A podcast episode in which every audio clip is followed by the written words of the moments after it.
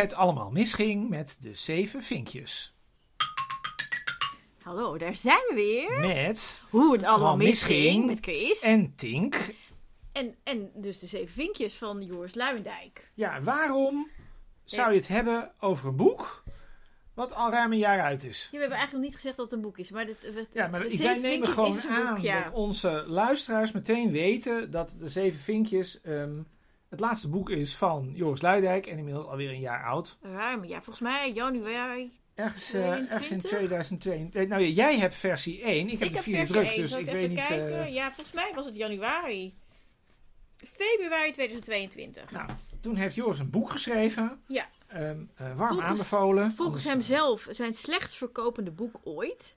Dat is natuurlijk een beetje een rare opmerking van Joris. Want eh, in de wereld van Joris Luidijk is een slecht verkopend boek een heel goed verkopend boek. Dat denk ik ook, ja. Dat weet ik wel zeker. Ik weet zeker dat ik er jaloers op ben. Ja, ik weet ook zeker dat ik daar jaloers op ben. Maar Joris Luidijk vindt dit dus geen goed. Maar goed, Jo- Joris boek. heeft zeven vinkjes en jij niet en ik ook niet. En ik ook niet. En daar gaat het dus over. Daar gaat het over, ja precies. De vraag is natuurlijk, wat zijn, wat zijn zeven vinkjes, Tink? Nee, de vraag is waarom gaan we het erover hebben vandaag? Nou, ehm Ik ging dit introduceren. Dat eh, introduceer het maar eens even. Want ik heb dus dit boek gelezen, eh, een paar weken geleden. Veel te laat, want ik wilde dit gewoon toen het een soort item was en overal werd besproken. Wilde ik dat lezen en toen is het er niet van gekomen. Dus heb ik het nu gelezen. En tot mijn grote verbazing heeft het me echt, echt heel erg geraakt. Ja, en daarom gaan we het erover Daarom hebben. gaan we jij het het erover een ontzettend goed boek vindt. Ik vond het een, een heel goed boek, maar het heeft me echt ontzettend geraakt in die zin dat ik me ineens realiseerde wat mijn positie is. Wat is jouw op Een of andere, positie? ja, gaan we zo, maar ik, Oh. ik, maar ik, ik dacht dat ik wist wat mijn positie was en wat mijn achtergrond en wat dat impliceert. En ik heb ook wel de interviews met Joris gezien, zeg maar, op televisie. En ik heb, ik heb dingen gelezen. En ik dacht ook dat ik wist wat er in het boek stond. Maar ik heb het dus nu gelezen. En ik ben echt, nou, eh, figuurlijk dan, van mijn stoel gevallen. Dat ik dacht, holy shit. Ik heb inderdaad in bepaalde situaties geen schijn van kans gehad. En eh, door mijn achtergrond. En gewoon echt geen, geen schijn van kans. En dus ik heb mezelf dingen verweten en, en eh, mezelf afgevraagd in situaties: wat heb ik nu verkeerd gedaan? Waar ging het mis? En eh, ik heb helemaal niks verkeerd gedaan. Ik heb het fantastisch gedaan. Dus het is ook een soort, soort van ego-boost. een Was soort het ook. ego-boost, Ja, boek. ja. ja. Ehm, en, eh, maar ja, en daardoor heeft het me ontzettend geraakt. Dus daarom wilde ik het vandaag daar heel graag over hebben. Ja. Ja, Dus, dus als dingen fout gaan, je zou, je zou bijna kunnen zeggen, het is bijna zelfhulp. Ehm, als er dingen fout gaan in je leven, hoeft het niet aan jezelf te liggen. Het Nou. kan ook aan je vinkjes liggen. nou zeker. In de meeste gevallen is dat zo. Nou, dat, dat weet ik dan weer niet, maar je vinkjes spelen in ieder geval een belangrijke rol. Nou, zeker, zeker. En nou ja, misschien voor de, voor de mensen die dit helemaal hebben gemist, ja. moeten we misschien even uitleggen waar gaat dit boek nou eigenlijk over? ik vind zelfs de aanleiding van dit boek heel leuk. Dat is, eh, voor de helheid, ik vind het super goed geschreven. echt een Ehm goed boek. Joris is natuurlijk ontzettend. Ik ga even zeggen dat ik Joris Luidijk natuurlijk heel stom vind. Het heeft natuurlijk alles mee te maken. Waarom vind je hem stom? Omdat Jij Joris heel. Nee, dat klopt. Ik ken Joris Luidijk niet. Ik ken Ehm, hem wel, ik vind hem heel leuk. Ja, ik vind hem stom, want Joris Luidijk is namelijk heel succesvol. Joris Luidijk heeft zomergasten gepe- ge- ge- bent jaloers. Ja, ik ben jaloers. Die heeft eh, succesvolle boeken gemaakt. Eh, drie van die boeken staan bij mij thuis, nu vier. Ehm, dus Joris Luidijk heeft zoveel succes, dat is eigenlijk bijna niet aan te je bent raken. jaloers. Je bent jaloers. Zoveel succes. Is het echt is het jaloezie? Nee, ik heb niet zoveel last van jaloezie, maar wel dat ik denk van... pff, Waarom vind je hem dan stom? nee, ik vind het gewoon... Maar nu komt het. Daarom is dit boek zo leuk. Want het boek, gaat, het boek begint met de grote mislukking van Joris Luidijk. Dus als je nou dacht... Joris Luidijk doet altijd alles goed. Wat dus echt mijn beeld is. Ehm, dit gaat dus over zo'n verhaal. Wat dus eh, wel een beetje rondzinkt. Wat dus over verteld is. En waar we eigenlijk niet zoveel van weten. Namelijk, Joris Luidijk ging in Londen bij The Guardian werken. En eh, ja, nou ja, ik bedoel, kom, welke Nederlandse journalist mag nou bij The Guardian werken? Dat is een fantastische prestatie, een fantastische krant. En ehm, eigenlijk, nou ja, dit, volgens mij gaat het al tientallen pagina's gaat het over dat dat gewoon helemaal geen succes was. Ja. Luidijk dat bij The toen hij Guardian. daar zat, heeft hij... ehm, mij een keer eh, eh, een opdracht bezorgd voor The Guardian. Ik heb voor The Guardian geschreven door Joris. Hij heeft mij daar voorgesteld. Dus hij was goed genoeg bij The Guardian om mensen voor te stellen. Ja, Terwijl de toonzetting in dit boek is... ehm, ja, hij zat dan wel bij The Guardian... En dat vonden de mensen in Nederland dan wel... Hè, dat kon je in Nederland bij wijze van spreken... Zo schrijft hij het niet, maar ik bedoel, in Nederland kun je daarmee pronken, zeg maar. Maar ja, eigenlijk paste niet daar natuurlijk niet. Het, het, het sloot niet helemaal aan. nou, wat ik nu zit te denken is dat, ja, daar ga ik een beetje voor uitlopen, is dat de zeven vinkers, dat gaan we zo beter uitleggen, ehm, eh, als een soort, hun, hun positie als een soort vanzelfsprekendheid, een soort verworvenheid ervaren. En dat dus, dan ga ik dus terugdenken, eh, het gebeurt heel weinig dat mensen met zeven vinkjes, of vrouwen met zes vinkjes, een vrouw kan geen zeven vinkjes hebben, ehm, want daar één vinkje een is een man, ja. Ja. Ehm, eh, zeven vinkers of zes vinkers, die zullen niet snel zomaar iemand met heel weinig vinkjes ergens voor helpen, zomaar. En dat heeft Joris dus wel gedaan, want het was zijn initiatief, out of the blue, voor mijn gevoel, om mij voor te dragen om een stuk te schrijven. En ik, ik heb dat, ik dacht echt, hè? Waarom? Wat, wat Waarom? aardig, dat, dat, dat, dat doen mensen niet voor mij. En dus dat was echt... ehm, Het was helemaal in lijn met de theorie van de zeven vinkjes eigenlijk. nou, Dat je jou niet zou vragen, want jij hebt er geen klopt. zeven. Ja, dat klopt. Nou, laten we het even hebben over wat Maar waar zijn het eigenlijk nou... om gaat is, om het even af te maken. Oh ja. ehm, in Nederland heeft Joris wel zeven vinkjes en in Groot-Brittannië niet. Dat, Dat is klopt. de, dat is de kern van het verhaal van The Guardian. Dat klopt. En dus was dat ook een aanleiding om na te denken over wie is in de bevoorrechte positie en wie is dat niet. Precies, precies. Dat is inderdaad de aanleiding. En, en ehm, nou ja, de zeven vinkjes, ik zal ze even oplezen. Ehm, moet wel even nummeren. ja, nou, ik begin gewoon met het vinkje dat hij in Nederland wel heeft. Hè, wat Joris Luijendijk in Nederland wel heeft, maar in het buitenland niet meer. En dat is minstens één eh, in het land van, waar je werkt. Hè, geboren ouder of verzorger. Die jou de cultuur van de meerderheid kon meegeven. Dus hè, Joris is in Nederland geboren. Dus in Nederland heeft hij dit vinkje. Want zijn ouders die zijn hier ook geboren. En die werken hier. Maar in Groot-Brittannië had hij geen ouders. Is hij een allochtoon? Wel, ja, precies. En ineens had hij nog maar zes vinkjes. En Ja. dat was een probleem. Eh, tweede vinkje is minstens één hoogopgeleide of welgestelde ouder hebben. Die jou de weg kan wijzen in het onderwijssysteem. Ehm, het derde vinkje is man zijn. Het vierde vinkje is hetero zijn. Vijfde vinkje is wit zijn. Het zesde gymnasium of VWO afgerond hebben. En de zevende universiteit gedaan hebben. Dat zijn de zeven vinkjes. Ja. Hoeveel vinkjes heb jij? Eh, ik heb er vijf. Dat is best veel. Ja. Jij de- hebt volgens mij, je bent in, eh, je hebt een in Nederland geboren ouder. Je ja. bent man. Ja. Je bent wit. Je hebt eh, gymnasium of VWO afgerond. En je hebt universiteit gedaan. Ja, dat zijn vijf vinkjes. Dat zijn dat. ze. Ja, dat Ja. zijn ze. Ja, Ja. En hoeveel heb jij er? ik heb er drie. Nou, welke heb jij? Ik, ik ben hetero. En eh, ik ben wit.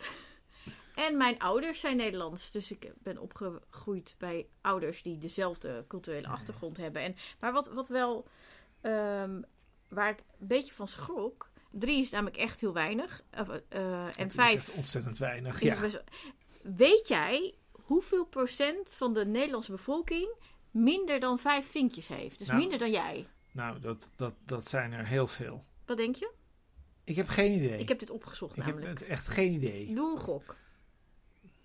Minder dan vijf. Ja, hoeveel procent? Nou, dat is meer dan de helft. Dat is 70% of zo. 66. Nou, dat is Ja. natuurlijk niet heel slecht. Ja, en ik Ja. heb dus drie.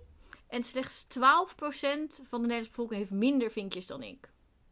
12% heeft minder vinkjes dan jij. Ja, Ja, maar dat klopt natuurlijk wel. Want de meeste mensen zijn hetero. Dus, die, dus dat vinkje hebben de meeste mensen hebben er één, om die reden. ja, En de helft van de mensen heeft het vinkje man. En dan heb je eh, de meeste mensen zijn in Nederland hebben Nederlandse eh, een, Nederland een ouder, ouder, een ja. ouder die in Nederland geboren is. Dus heel veel mensen En komen wit. inderdaad aan drie. En Ja. wit, ja, dus heel veel mensen komen aan drie of vier. Dat lukt heel vaak. ja. Maar, dus, Ja. dus- maar 13% heeft er minder dan ik. Ja, dat Dus ik zit wel aan de wel. onderkant. Ja, je zit echt behoorlijk aan de onderkant. aan de nou is het natuurlijk een beetje, dat schrijft Joris ook wel ergens. Het is natuurlijk een soort benadering, want het is natuurlijk ook een beetje van wat je kiest. Hè? Van, je kan natuurlijk ook zeggen van ja, we hadden ook, ik bedoel, je had ook gezegd van het zijn acht vinkjes. En we hadden ook nog uh, wat ik het, uh, handicap erbij kunnen doen. Dat als je een, een fysieke handicap hebt, dat, dat je die niet hebt, dat dat ook nog een vinkje is. En zo kun je natuurlijk een beetje het allemaal gaan uitzitten breiden. Ja, Dus ja. dan krijg je, kom je op hogere getallen, maar het is heel simpel. Er is een soort, er is een soort continuum. Dus je hebt mensen die zitten altijd aan de goede kant, want die hebben er gewoon heel veel. En je hebt mensen en die hebben er heel weinig. En wat blijkt nou? Eigenlijk alle, ik zeg niet alle, maar wel vrij veel mensen uit de wereld van journalistiek, bestuur, bedrijfsleven, et cetera, zitten allemaal aan die kant van die zeven. Ja, dat, Dat, is eigenlijk het, het- Nou ja, argument. Wat volgens mij wel het grootste probleem is, of probleem, wat voor mij eigenlijk het meeste inzicht gaf, ehm, is het belang van hoogopgeleide ouders hebben. Ik heb, er, ik, ik heb er gewoon nooit bij stilgestaan, maar op het moment dat jij ouders hebt die de weg kennen in het onderwijssysteem, die zelf zeg maar een bepaald eh, kennisniveau hebben, die kunnen jou, weet ik veel, helpen in kiezen hoe je gaat studeren, wat ga je doen, kunnen jou een soort van taal bijbrengen, wat, wat, wat, wat, voor- wat, wat voor communicatie zeg maar is, is een geldende norm in een bepaalde wereld, maar ook ehm, weet ik veel, hebben waarschijnlijk andere boeken in de kast staan dan dat mijn ouders of jouw ouders in de kast hebben staan.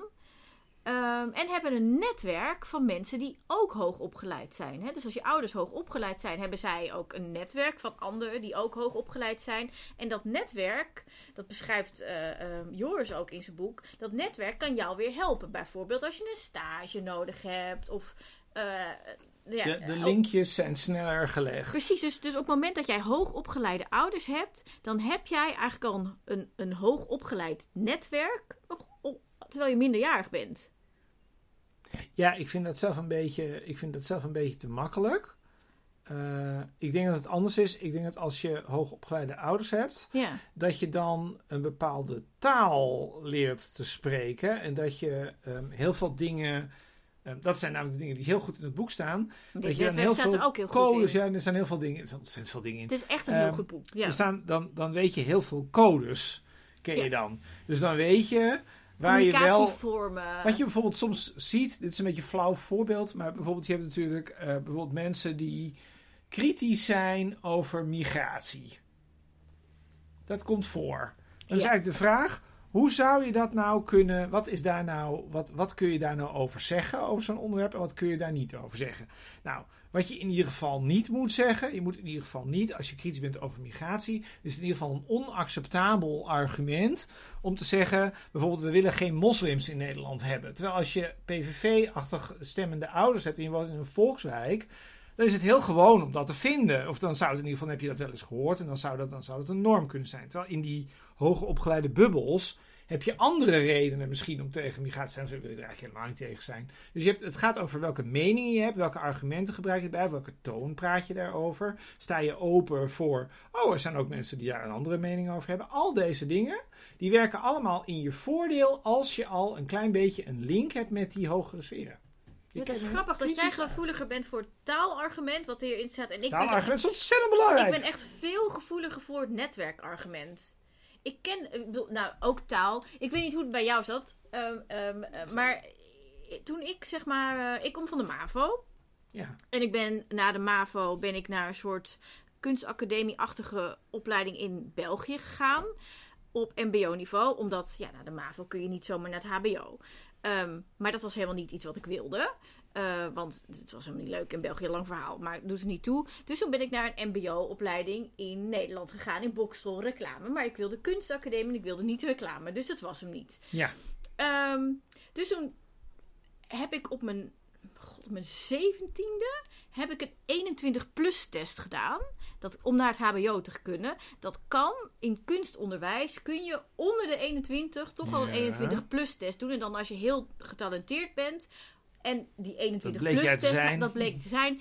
Dan mag je daar toch naartoe. Dus ik ging op mijn ehm 18e naar de kunstacademie met alleen maar MAVO. En dus die 21-plus test die ik had gehaald. Zo'n 21-plus test is overigens een, een, eh, een tekstverklaring. Eh, wat ik een heel moeilijke tekstverklaring vond. Want die ging namelijk over politiek. En ik wist helemaal niks over politiek. Dus ik moest echt heel goed lezen om te snappen Ja. wat er stond. Maar goed, dat is dus gelukt. Ehm, en je moet een stuk schrijven. Maar wat is het punt met de vinkjes? Nou, het punt met de vinkjes is... Dat, toen kwam ik dus op de kunstacademie, op het hbo, met mijn MAVO. En toen bleek ik ineens heel veel woorden niet te kennen. Mijn woordenschat bleek ineens super klein te zijn. Ja, maar dit is dus precies mijn argument. Het En- gaat over taal. Ja, dat gaat over. Maar ik ben zelf, en ik lees ook dit soort voorbeelden ook in het boek van Joris, ben ik elke week gewoon allemaal woorden gaan opschrijven die ik niet begreep en op gaan zoeken in het woordenboek. heb ik echt jarenlang gedaan. Woorden die ik niet kende. Dus, dus Omdat je die niet had omdat ik meegekregen. die niet had meegekregen. Maar je moet wel.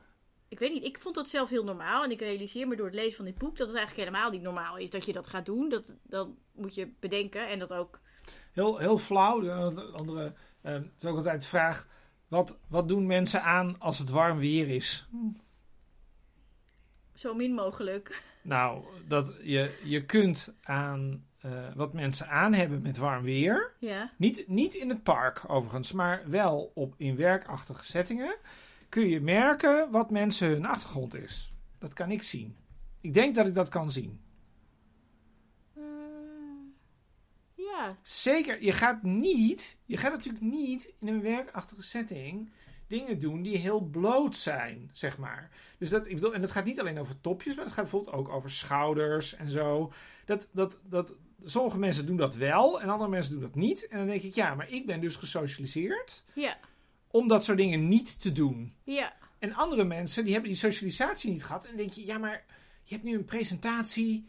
Doe dat eens even. Doe Nou, even nou, denk daar even, had daar even een overhemd aangedaan. Dat kan ook heel luchtig zijn. Ja. Dan maak daar net even. Dan, dan sluit je net even wat beter aan bij de setting. ja, dat moet je dus meekrijgen. Dat Nou ja, je allemaal, dat zijn, dus- het punt is dat het allemaal hele kleine dingen zijn en dat het er heel veel nou, zijn. is grappig, want jij begint over taal en ik zeg nee, het is netwerk. En terwijl we aan het praten zijn, realiseer ik me, oh ja, ik, die taal die heb ik mijn eigen gemaakt. Daar heb ik actief echt, ik denk dat ik toch zeker tien jaar heb gedaan. Misschien wel vijftien jaar, dat ik gewoon eh, woorden op heb gezocht. Ehm, ik weet nog wel dat ik, ja, een van de allereerste keer dat ik geïnterviewd werd over mijn werk. Toen, toen had ik een journalist aan de telefoon en die zei van, nou, ik kan wel... eh, eh, stellen dat, dat je heel eh, geëngageerde kunstenaar bent. En ik kende het woord geëngageerd niet. En ik vond het een naar woord. De klank vond ik naar. Geëngageerd klonk. Zei jij van niet? Dus ik zo, nee, hoe kom je daar nou bij?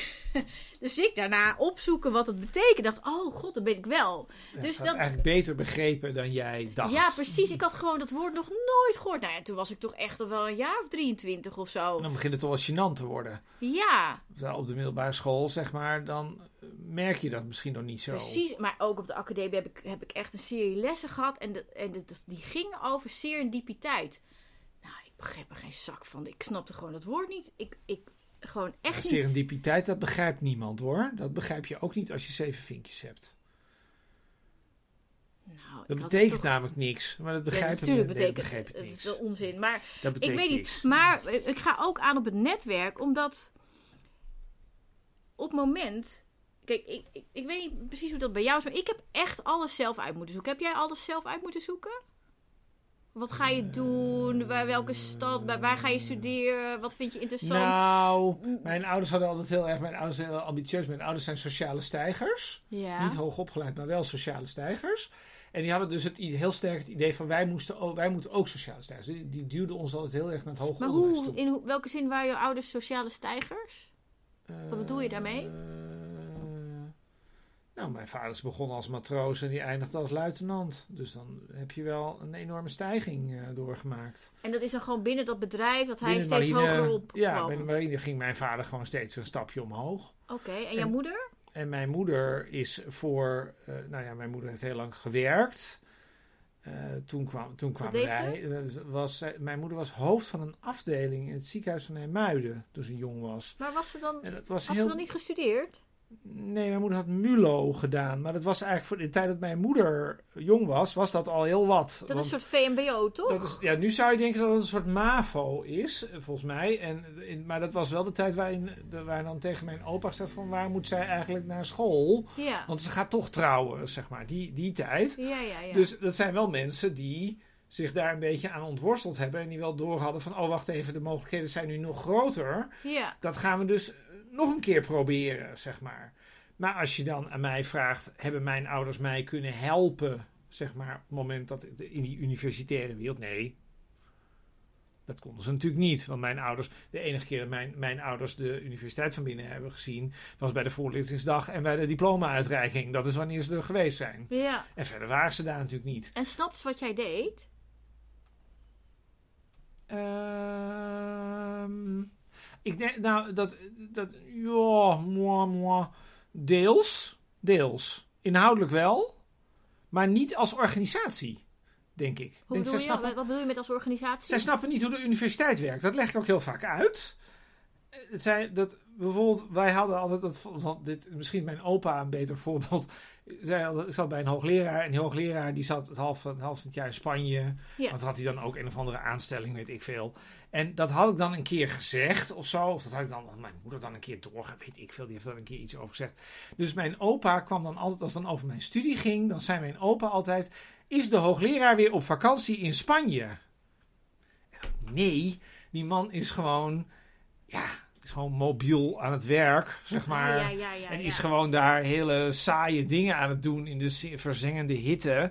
Ehm, maar dat werd dan toch niet helemaal begrepen, zeg maar. Ja, En, ehm, nou ja, en bijvoorbeeld, nou ja, wat bijvoorbeeld ook, wat bijvoorbeeld ook heel moeilijk is, is van wat is dan, ehm, wat houdt dat universitaire werk dan in, zeg maar. Dus Ja. wanneer ben je dan, wanneer ben Wat je een je dan? geslaagde wetenschapper? ja, Dat is altijd een enorm ja. enorme vraag. En dat, dat, dat heb ik ze door de tijd heen wel uitgelegd. Maar dat konden zij mij niet vertellen. Is dat niet zo dat dat nou, dat dat nou het belangrijkste is? Bijvoorbeeld, als je, nou, wat ik bijvoorbeeld heel belangrijk vind, een hele andere. Wat ik bijvoorbeeld nu wel zie en twintig jaar geleden niet. Ik zat twintig jaar geleden zat ik dan bij de, bij de, bij de UvA zat ik dan in van die studentencommissies. Ja, Nou, dat was gewoon omdat ik boos was over dat, ik, dat het onderwijs heel slecht was. Dus zo kwam ik daarin. ja, Maar met de blik van vandaag zijn allerlei mensen die iets zijn geworden, ja, zaten daar toen al. ja. En is het dan een beetje mazzel dat jij een, een reden had om je daarbij aan te sluiten? nou, het heeft mij, ik denk dat het me niet zo heel erg heeft geholpen, maar ik denk dat het hun wel heeft geholpen. Want bijvoorbeeld, ik geef, zal twee voorbeelden geven. Susanne Kreuger, die zit tegenwoordig in de Kamer voor GroenLinks. Ja, Die was in die tijd, die heeft met mij vergaderd in de studentenraad van de PSCW. En eh, Maarten Poorter, die is nu tegenwoordig burgemeester van Dijk en Waard. Dat is een fusiegemeente boven Alkmaar. Ja, die was daarvoor acht jaar raadslid in eh, Amsterdam voor de PvdA. Die was in die tijd, zat hij ook in die commissies. Nou, dit zijn een beetje de twee, belangrijke, de, twee grootste voorbeelden. Maar dat is, ehm, ik denk dat deze mensen, dat, ik weet trouwens, ik heb dat ze niet aan ze gevraagd. Maar ik denk dat veel mensen die daar zaten, eigenlijk al een beetje toch zo'n idee hadden van, wacht even, dit is een soort, soort voorselectie, zeg Ja. maar. Van, oh, als je nou later ergens wil komen, is het toch handig om nu al te ervaring op te doen. Wat, natuurlijk, wat je bij studentenverenigingen ook altijd hoort.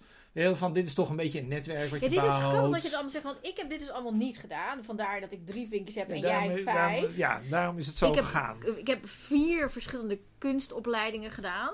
Eh, twee op, op mbo-niveau. Is dat waar dat ik zeg? Ja, één hbo en één master. Dus ik ben meester in de kunsten. Dus MFA, een master in fine arts, mag ik voor mijn Oké, ding zetten. ja. Dus dat is al Niemand heel... weet wat het betekent, Nee, maar, maar, toch. goed, ik heb dit. Dus eh, ben ik dan, dat bedoel, ja, dit is alles. Dus dat kamp ik dan al vast. En, maar ik merk wel dat.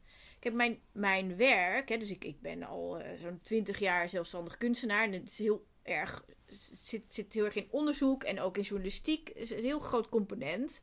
Hè, dus dus als, ik, als ik moet uitleggen waar bestaat nou mijn werk uit, dan is dat zo zeker 95% is het onderzoek. En dan moet ik ook nog wat maken. Ja. Dus dat, eh, maar dat betekent dus dat steeds als er een ander onderwerp is, word je een soort expert op een deelonderwerp. En al die onderwerpen met de jaren die linken aan elkaar, waardoor je Ja. eigenlijk steeds breder ehm, een kunt expertise... kletsen in podcasts. Ja, Zo. ik heb Ja. een soort van expertise opbouwt. Maar wat ik op een gegeven moment wel ben gaan merken is van ik weet dus van een aantal dingen weet ik heel veel van.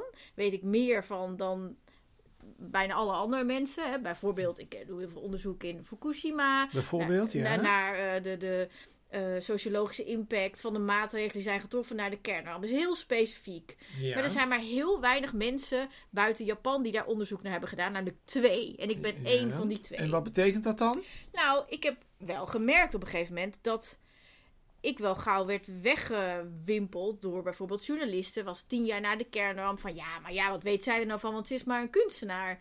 Dat ik wel daardoor ben gaan overwegen. Nou, misschien moet ik toch maar gaan promoveren nog een keer.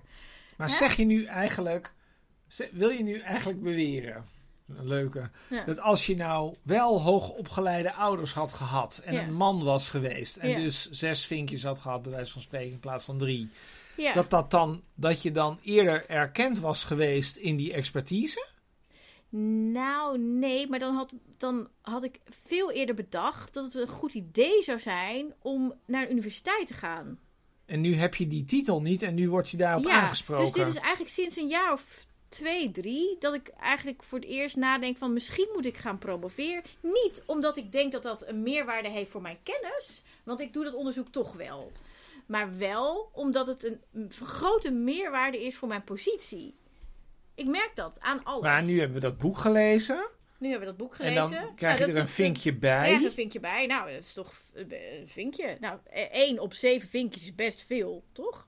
Nou, dan blijf je, een- zit je nog steeds aan de onderkant. heb je nog steeds maar vier. Want jij, Ja. want, jij, want jij drukt aan tegen al die mensen met Ja. zeven vinkjes. Ja. Die, of zes, die op die eh, kamerlidmaatschappen zitten. Of die hoogleraren. Noem het allemaal, die, die journalisten, noem het allemaal maar op. ja, dat is wel heel... Dus dat promoveren heeft helemaal geen zin. Nou, dat geloof ik niet. Tuurlijk heeft het wel zin. Ja, voor de promotie, maar niet voor de vinkjes. Nou, ik denk natuurlijk wel, want het is een vinkje erbij. Ja, maar dat is nog steeds beperkt. Hoe meer vinkjes je hebt, wil ik wel stellen, hoe minder waarde je hecht aan een vinkje. Maar je kunt natuurlijk sommige dingen niet meer oplossen. Dat is natuurlijk het hele punt. Want jij kunt natuurlijk dat vinkje van die... ja. Want het vinkje van het VWO, dat gaat gewoon de voor de rest van je leven aan jou voorbij. Ja, En dat van die ouders, ja, je ouders blijven altijd je hele leven je ouders, Ja. zeg maar. ja, Dus de meeste van die vinkjes is ook voor mensen natuurlijk een vaststaand geheel. ja, ja. Ook toen ik tegen mijn moeder zei dat ik overweeg om te gaan promoveren. Ik ben aan het rondkijken.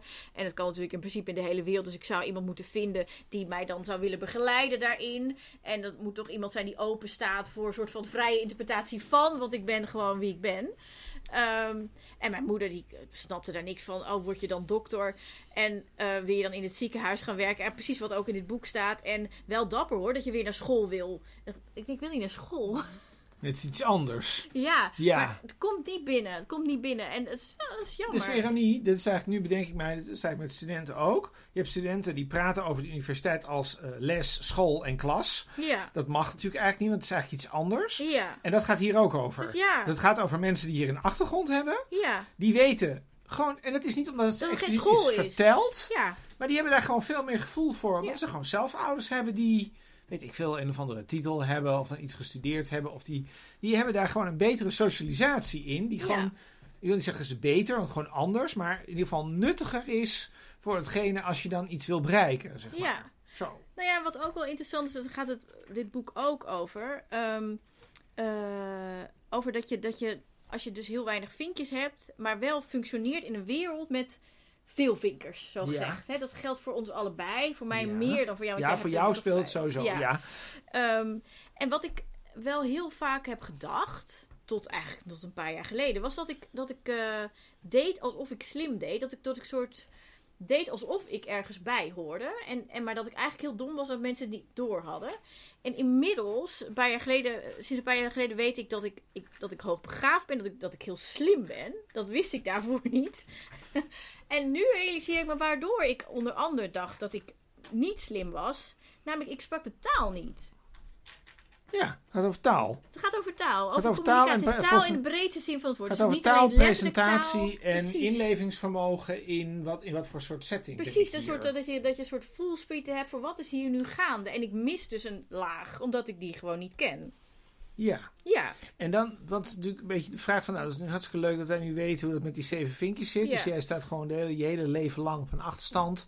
Ehm, en ik sta er dan, hangt er wel iets boven, maar ja, ik ben een homo, nou, dus ik het wil, schiet ik wil ook graag een allemaal niet stukje op. voorlezen. Ja. Ehm, eh, en dat is namelijk, want, nou ja, wij, niet alleen ons land, maar de wereld wordt zo'n beetje, zeg maar... Nu komt ons land. eh, ja. ehm, ehm, eh, eh, gestuurd door grotendeels zes en zeven vinkers. die allemaal meestal het gevoel hebben dat ze op die plek zitten omdat ze het verdiend hebben. Kom maar op. Ehm, goed. Julia Wouters was vanaf 2006 elf jaar lang de rechterhand van PvdA-leider en vicepremier Lodewijk Asscher. In de zijkant van de macht, waarom de politiek te belangrijk is om aan mannen over te laten, dat is een boek wat ze heeft geschreven, beschrijft ze hoe alle grote partijen de verkiezingen van 2017 ingingen met een vrouw op nummer 2 van de lijst. Om die bij- de formatie vervolgens ijskoud thuis te laten. Mark Rutte nam niet Janine Hennis Plassaert mee naar de onderhandelingen, maar Halbe Zijlstra. Diederik Samson niet Jetta Kleinsma, maar Jeroen Dijsselbloem. Alexander Pechtold nam niet Stientje van Veldhoven mee, maar Wouter Koolmees. En Sibrand Buma niet Mona Keizer, maar Pieter Heerma. Het resultaat was het kabinet Rutte 3. En net als in Rutte 1 en 2 zat daar geen enkele minister of ook maar een staatssecretaris van kleur in en opnieuw minder vrouwelijke ministers dan mannelijke. Ik had er graag meer wi- willen hebben, reageerde Rutte. Maar uiteindelijk geldt, we gaan voor de beste mensen. Het is wat het is. Dit is het kabinet waarin Halbe Zijlstra zonder relevante ervaring of competenties minister van Buitenlandse Zaken werd en moest vertrekken wegens liegen. Waarin Bruno Bruins als minister van Volksgezondheid niet opgewassen bleek tegen een crisis van het formaat van corona. Zijn opvolger Hugo de Jonge deze crisis wel even dacht te kunnen combineren met het CDA-lijsttrekkerschap. En Ferdinand Grapperhaus als nota bene minister van Justitie bij zijn eigen bruiloft de eigen coronaregels overtrad. Ik vind het echt een geniaal, eh, geniaal eh, bij elkaar. Ik bedoel, het is natuurlijk bij elkaar gezocht, Het, ja, maar het klopt. het klopt en echt verdomme zeg. En dit is dus Ja. ook volgens mij het argument ehm, waarom, waarom dat boek belangrijk is. Ehm, er is een soort logica om te denken, oh die mensen die die zeven vinkjes hebben, heel impliciet, dat zijn de beste mensen. Dat is Ja. wat Rutte ook Nou zegt. ja, ik wil graag eh, zeg maar hierop volgen nog Ja. een ander fragment en dat is niet zo. voorlezen. van- Volgende fragment. Want hoe komen deze rantebielen, sorry, hoe komen deze zeven vinkers die totaal ongeschikt bleken toch op deze posities? Hoe kan dit nou? Hoe, hoe bestaat het? Kom erop. Nou, dan ga je dus op je twaalfde naar het gymnasium en zit je hoofdzakelijk tussen kinderen met ouders die weten dat je daar niet heen gaat voor Latijn of Grieks, maar om je op natuurlijke wijze te leren bewegen tussen de hoogopgeleide elite van het land. Ons soort ouders dus, met ons bedoelt Joris zichzelf. Daarna gaan er Alexander, Erik, Jeroen en Joris naar de universiteit, waar onze persoonlijkheid, ons wereldbeeld, netwerk en vriendschappen vorm krijgen. Vaak ontmoeten we hier onze grote liefde. Uit het rapport Gescheiden Werelden van het Sociaal en Cultureel Planbureau blijkt dat 85% van de Nederlanders is getrouwd of samenwoont met iemand met een gelijk of vrijwel gelijk opleidingstype. Een kwart van de academici heeft niet alleen een partner van dezelfde universiteit, maar zelfs van dezelfde studierichting.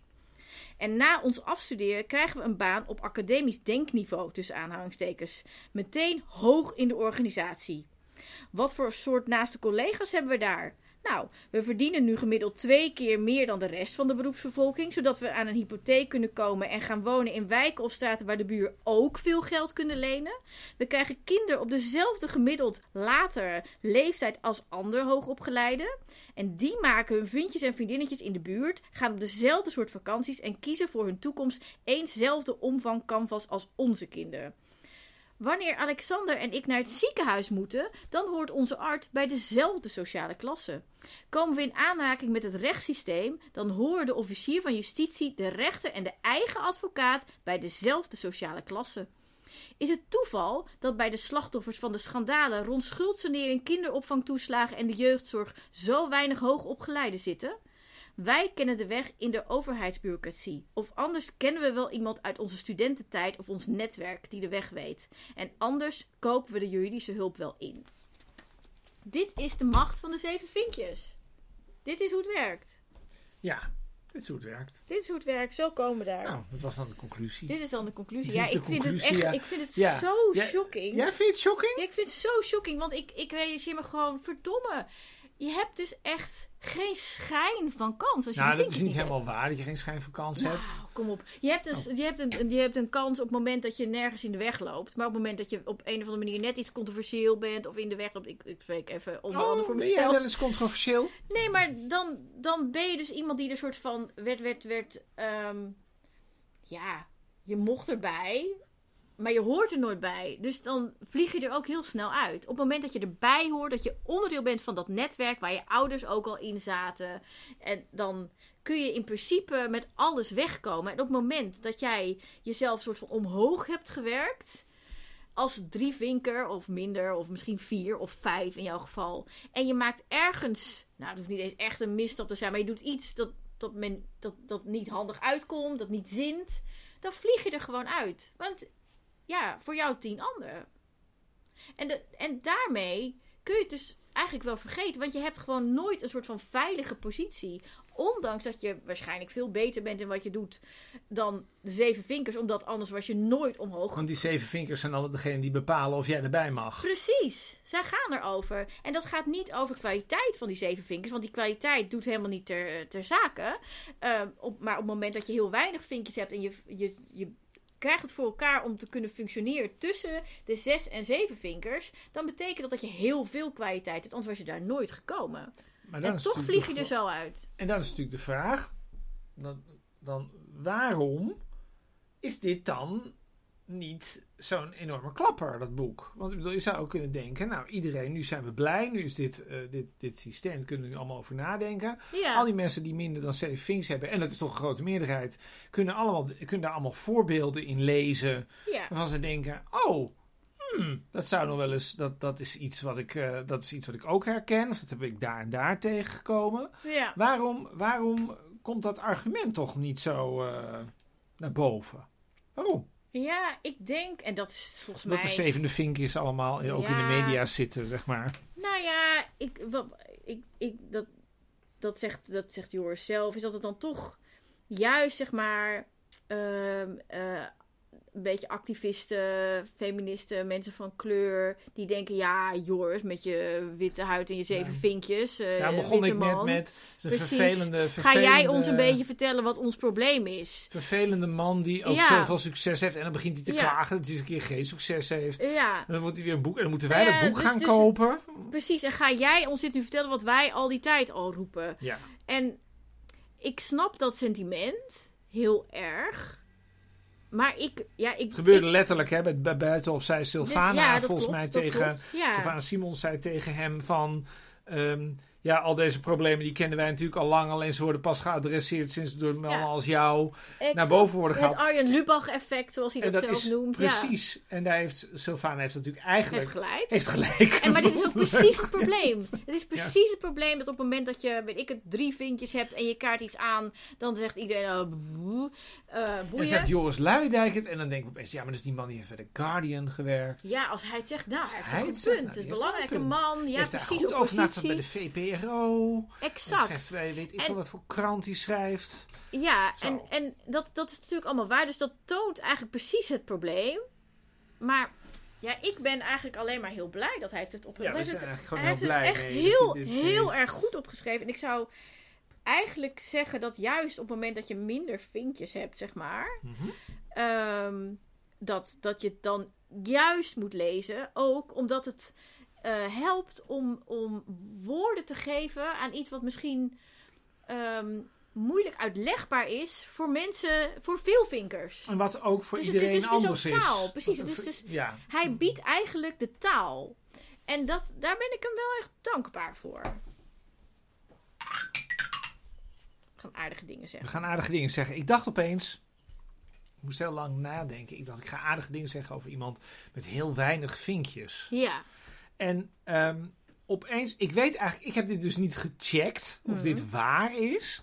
Maar opeens dacht ik, ik ga iets aardigs zeggen over Dini Beverwijk. Ik heb geen idee wie dit is. Nee, dat kun je ook niet weten, want Dini Beverwijk is namelijk helemaal geen bekende Nederlander. Oké. Okay. Ik heb namelijk, vijf jaar geleden of zo, was Tweede Kamerverkiezingen. En toen dacht ik, weet je wat ik doe?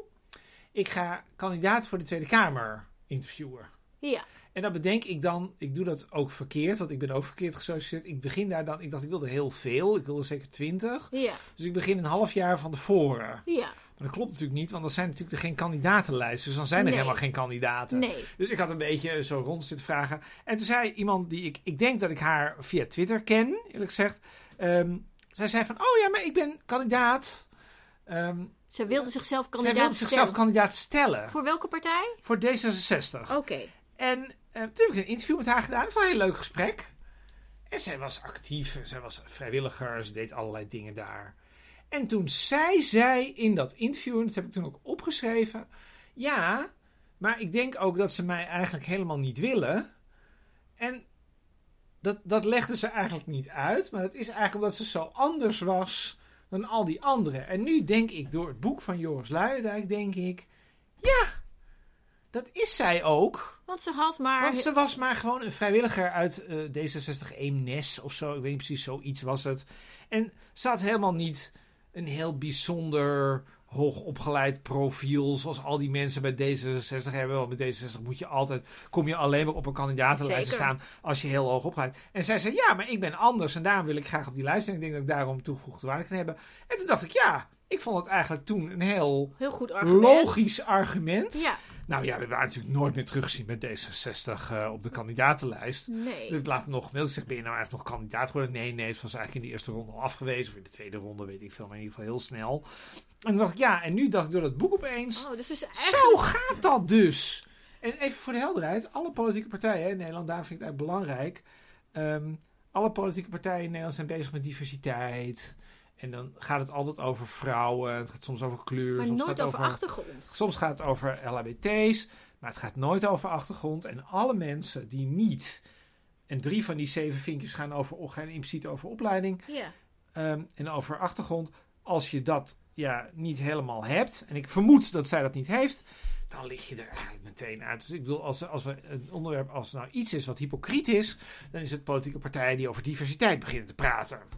Zo. Zo. Aardige woorden voor Dini Beverwijk. Vond een hele leuke kandidatuur. Ik vind het echt ten onrechte dat je Absoluut. niet in de Kamer bent gekomen. Zo. Absoluut. Ja, nou, misschien luisteren er Misschien nu mensen van de luistert D66. kandidatencommissie van, oh, wie is dat eigenlijk? Laten we eens googelen. Ja, laten we eens gewoon eens iemand Google, anders. Google Dini Beverwijk. Doe eens even wat anders eh, Ja, op de kandidatenlijst Ja, van precies. D66. Lijkt me heel goed. Oké. Nou, ik, ik ga even afwijken van het, van het onderwerp. Maar dat is wel een bruggetje naar ons nagesprek. Want we gaan zo nog napraten op petjeaf.com slash hoe het allemaal misging. Dus dat- we nemen zo nog een podcast aflevering op. Ehm, ik ga iets aardigs zeggen over Sanne Walvis. Zij is ook niet zo bekend. Alhoewel ze echt best wel vaak op televisie is geweest. In de krant heeft gestaan. Dus ik, ze geloof wordt wel ik- steeds bekender. Is zij die vrouw waarmee ik ooit ruzie heb gemaakt op Twitter? Zei dat?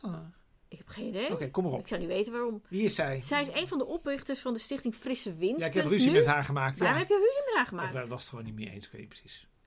Dus zei jij dat Neem is het die- terug. dat- nou, ik neem, Neem, het terug. het terug, Chris. Ik neem het terug. Zeg sorry tegen sorry, Sanne sorry. Sander Walvis. Sorry. Sanne Walvis Ja. is namelijk een superheld. Daar wil ik aardige dingen over haar zeggen. Zij is een van dus de, de, de oprichters van Frisse Wind. Nu, dat is de stichting die eh, namens een hele grote groep mensen ehm, eh, eh, aangifte heeft gedaan tegen de CEO van Tata Steel. En ehm, er, komt nu, er is al een onderzoek gaande van het OM naar dus, eh, ja, de strafbaarheid van wat, Tata Steel doet. En ehm, er komt een zaak, en dat doet eh, Benedict Fiek. En ja, zij zijn hier, god, ik denk drie jaar geleden of zoiets mee begonnen met Frisse Wind. En toen was er vrijwel geen aandacht voor de situatie rondom Tata Steel en de uitstoot en de vele kankergevallen en nou ja, eh, lood wat ingeademd wordt door kinderen en alle schadelijke gevolgen daarvan. En door En nu Walvis. Weet iedereen dat Tata Steel een groot probleem is. En dat komt echt door haar. En daar gaan we dus zo meteen over napraten. Onder andere, we gaan ook napraten over Harm Beertema. Ja, en als u niet weet wie dat is, dan moet u gewoon maar eens luisteren. Ja, Het zou heel goed kunnen trouwens dat u absoluut niet weet wie Harm Beertema is. Want het is een Kamerlid wat ontzettend weinig doet. Ja, Dus eh, is helemaal niet gek. Maar je hebt een klacht niet- ingediend. Harm Beertema is van de PVV. Ja. En het is een hele vervelende Het is meneer. waarschijnlijk ook iemand met heel veel vinkjes, denk ik. Dat moet wel, anders dan was je al lang ergens in Dat de is nou, grote trouwens niet waar, want bij de PVV houden ze zich daar niet aan. Maar dat, dat zullen we straks zien. Ja, We gaan napraten op www.petjeaf.com slash hoe het allemaal misging. Voor een kleine bijdrage elke maand ehm, eh, kun je twee keer per week naar ons luisteren. En dat vinden wij heel aardig. Ja, ontzettend aardig. En ehm, nou, dat was het. Dag.